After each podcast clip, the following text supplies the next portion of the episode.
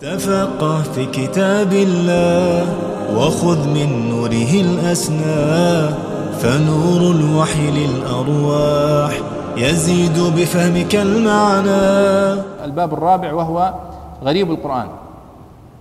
غريب القرآن. أكثر الناس يسألون عن هذا. ما هو الكتاب السهل الذي يدل على معاني القرآن؟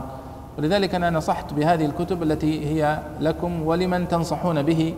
من يستنصحكم من الناس وعامة الناس وجمهورهم فهي كتب قيمة. أولها كتاب السراج في بيان غريب القرآن. السراج في بيان غريب القرآن للدكتور محمد بن عبد العزيز الخضيري.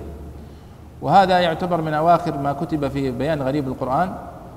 استفاد من الكتب التي صنفت قبله.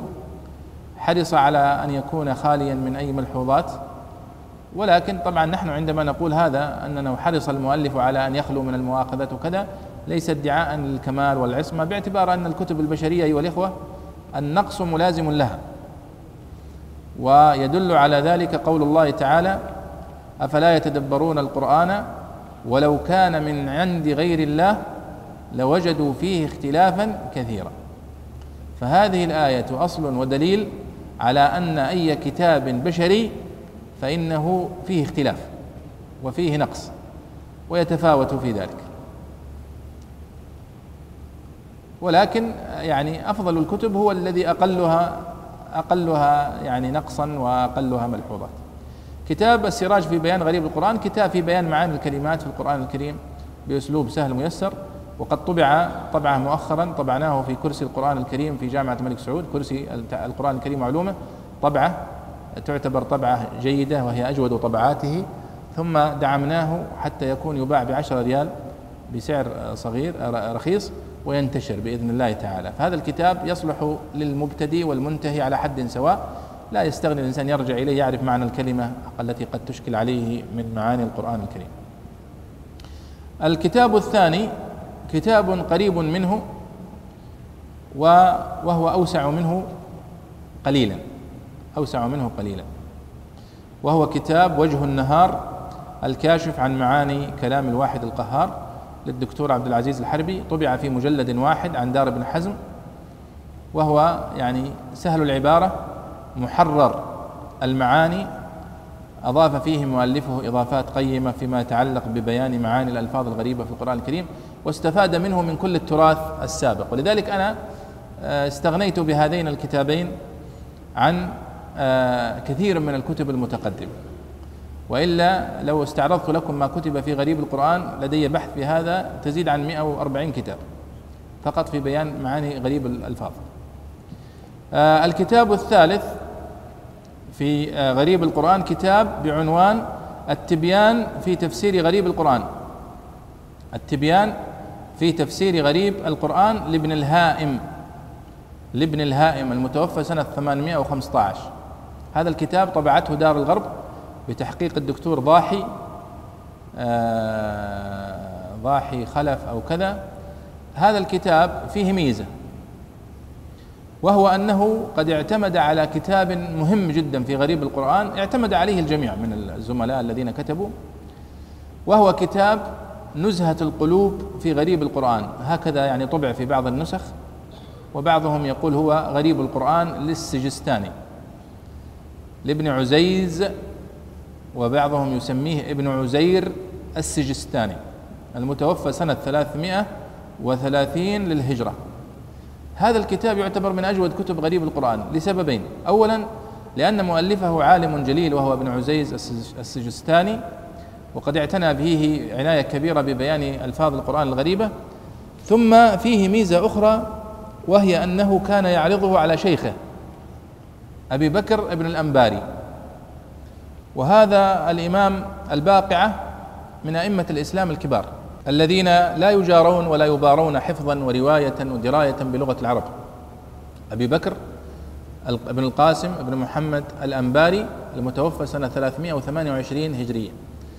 وهذا الرجل كنت قرأت ترجمته قديما فعجبت به وقرأت كتبه وأردت أن أكتب فيه رسالة الماجستير عن جهودي في غريب في القرآن الكريم وفي التفسير. فوجدت أحد الباحثين قد سبقني ثم تتبعت بعد ذلك تراجمه وكان يحفظ أكثر من ثلاثمائة ألف شاهد من شواهد الشعر على غريب القرآن وتفسيره فكان ابن عزيز السجستاني يكتب كتابه هذا ثم يراجع شيخه أبا بكر بن الأنباري فيقرأه عليه فيضيف له ويحذف ويزيد فجاء كتابا محررا ولقي قبولا كبيرا عند العلماء الذين جاءوا بعده ولكن كان فيه عيب وهو ترتيبه. ترتيبه يعني يربك طالب العلم الذي يريد أن يرجع إلى الكلمة. فقد رتبه ترتيبا على الأبواب وعلى الفصول كما صنع صاحب الصحاح آه، في اللغة. ولذلك جاء ابن الهائم فرتبه على ترتيب السور. وتعرفون أن كتب غريب القرآن ترتب على ثلاثة ترتيبات. إما على ترتيب غريب القرآن على ترتيب السور كما صنع ابن قتيبة وكما صنع أبو عبيدة معمر بن مثنى وغيرهم. وإما أن يرتبه على الفصول والأبواب كما صنع هو فقط. ابن عزيز السجستاني. أو يرتبه على حروف المعجم كما صنع صاحب المفردات في غريب القرآن وهو الراغب الأصفهاني. فإذا أردت مادة مثلا قتل يقتلون تذهب إلى حرف القاف قتل انتهينا. أما هؤلاء فتذهب إلى فصل اللام باب القاف وهذه لا يكاد يتقنها إلا القليل يعني. وهي خاصة في زماننا المستعجل هذا الناس ما ما يرغبون هذه الطريقة. فكتاب ابن الهائم هذا التبيان في تفسير غريب القرآن جاء إلى كتاب ابن عزيز فرتبه على حسب على حسب السور ثم أضاف هو إضافات قيمة. وميزها بحرف زاي. فيذكر ما ذكره ابن ابن عزيز ثم يكتب زاي حرف زاي يعني زيادة ثم يذكر إضافته. وهي مميزة في الكتاب. فإذا الذي يقرأ كتاب التبيان في تفسير غريب القرآن فهو قد قرأ كتاب ابن قتيبة وكتاب ابن عزيز السجستاني وكتاب أبي عبيدة معمر بن مثنى وكتب المتقدمين. الكتاب الرابع من كتب غريب القرآن وهو من أجمعها وأوسعها وأجودها وهو يصلح كمرجع لطالب العلم يراجعه وهو كتاب مفردات ألفاظ القرآن. مفردات ألفاظ القرآن للراغب الأصفهاني. والراغب الأصفهاني إمام من أئمة الإسلام الكبار الذين عرفوا من خلال تصانيفهم. وأما تراجمهم فهي أشبه بالنادرة. حتى لم يجد محقق كتبه ترجمة له إلا في صفحتين أو ثلاث صفحات. وعجزوا عن أن يجدوا له ترجمة. مع أن كتبه له كتاب في التفسير وله كتاب في غريب القرآن وله كتب كثير الذريعة في مكارم الشريعة كلها من أجود الكتب وأفضلها.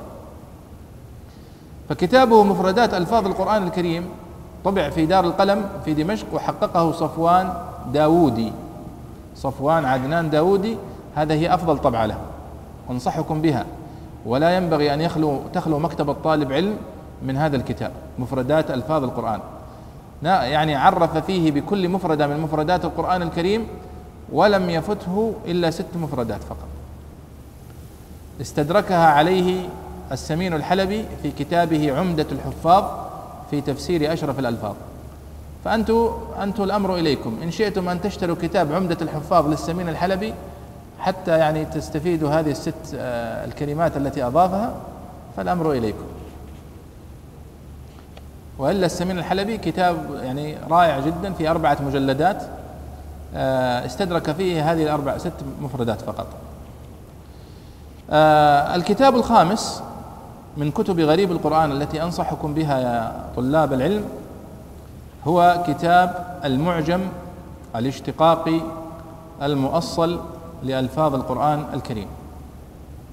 المعجم الاشتقاقي المؤصل لألفاظ القرآن الكريم للدكتور محمد حسن حسن جبل.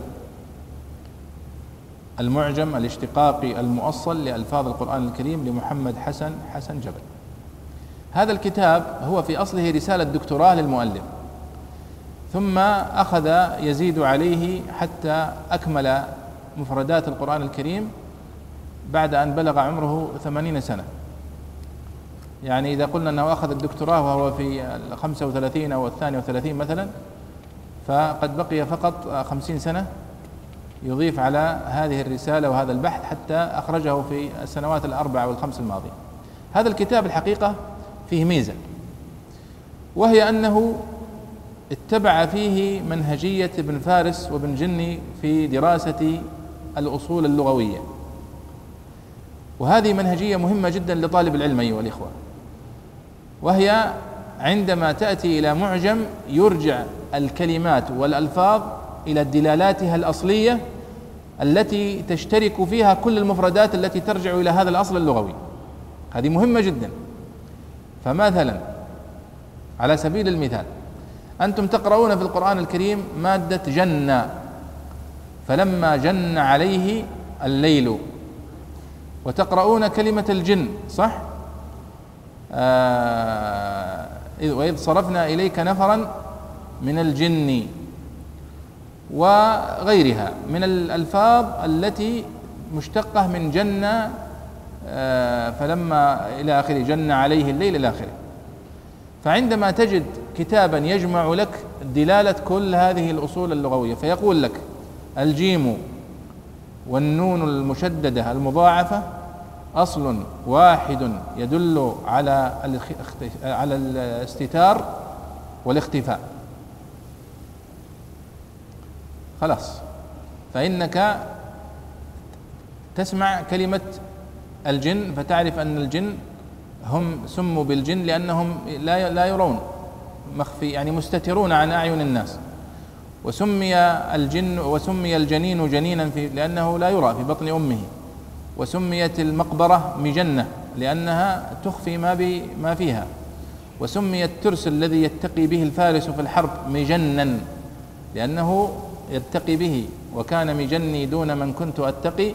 ثلاث شخوص كاعبان ومعصر كما يقول عمر بن أبي ربيعة. وسمي المجنون مجنونا لأن عقله في إجازة. وسمي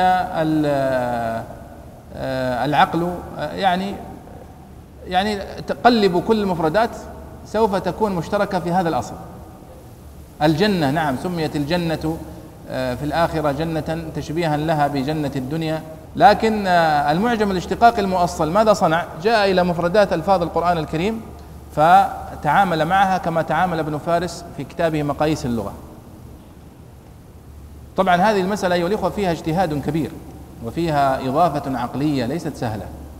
وبالتالي عندما يأتي طالب العلم فيأخذ هذه الخلاصة وهذه الزبدة فإنه قد حصل على علم عظيم وغزير وخلاصة الخلاصة من جهود اولئك اللغويين والأئمة الكبار. استفاد فيه من جهود ابن فارس ومن سبقه. ولو أفضت لكم في الحديث عن الغريب وما يتعلق به ومناهجه لكان الحديث دورة مستقلة.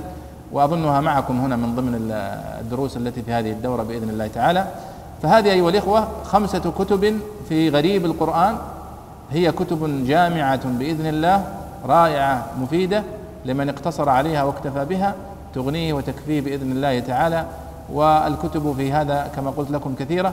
وبالتالي فإن طالب العلم أيضا مطالب بأن يقتصد عمره ووقته ويركز على المهم كما قلنا في بداية الحديث في العين فضل ولكن ناظر العين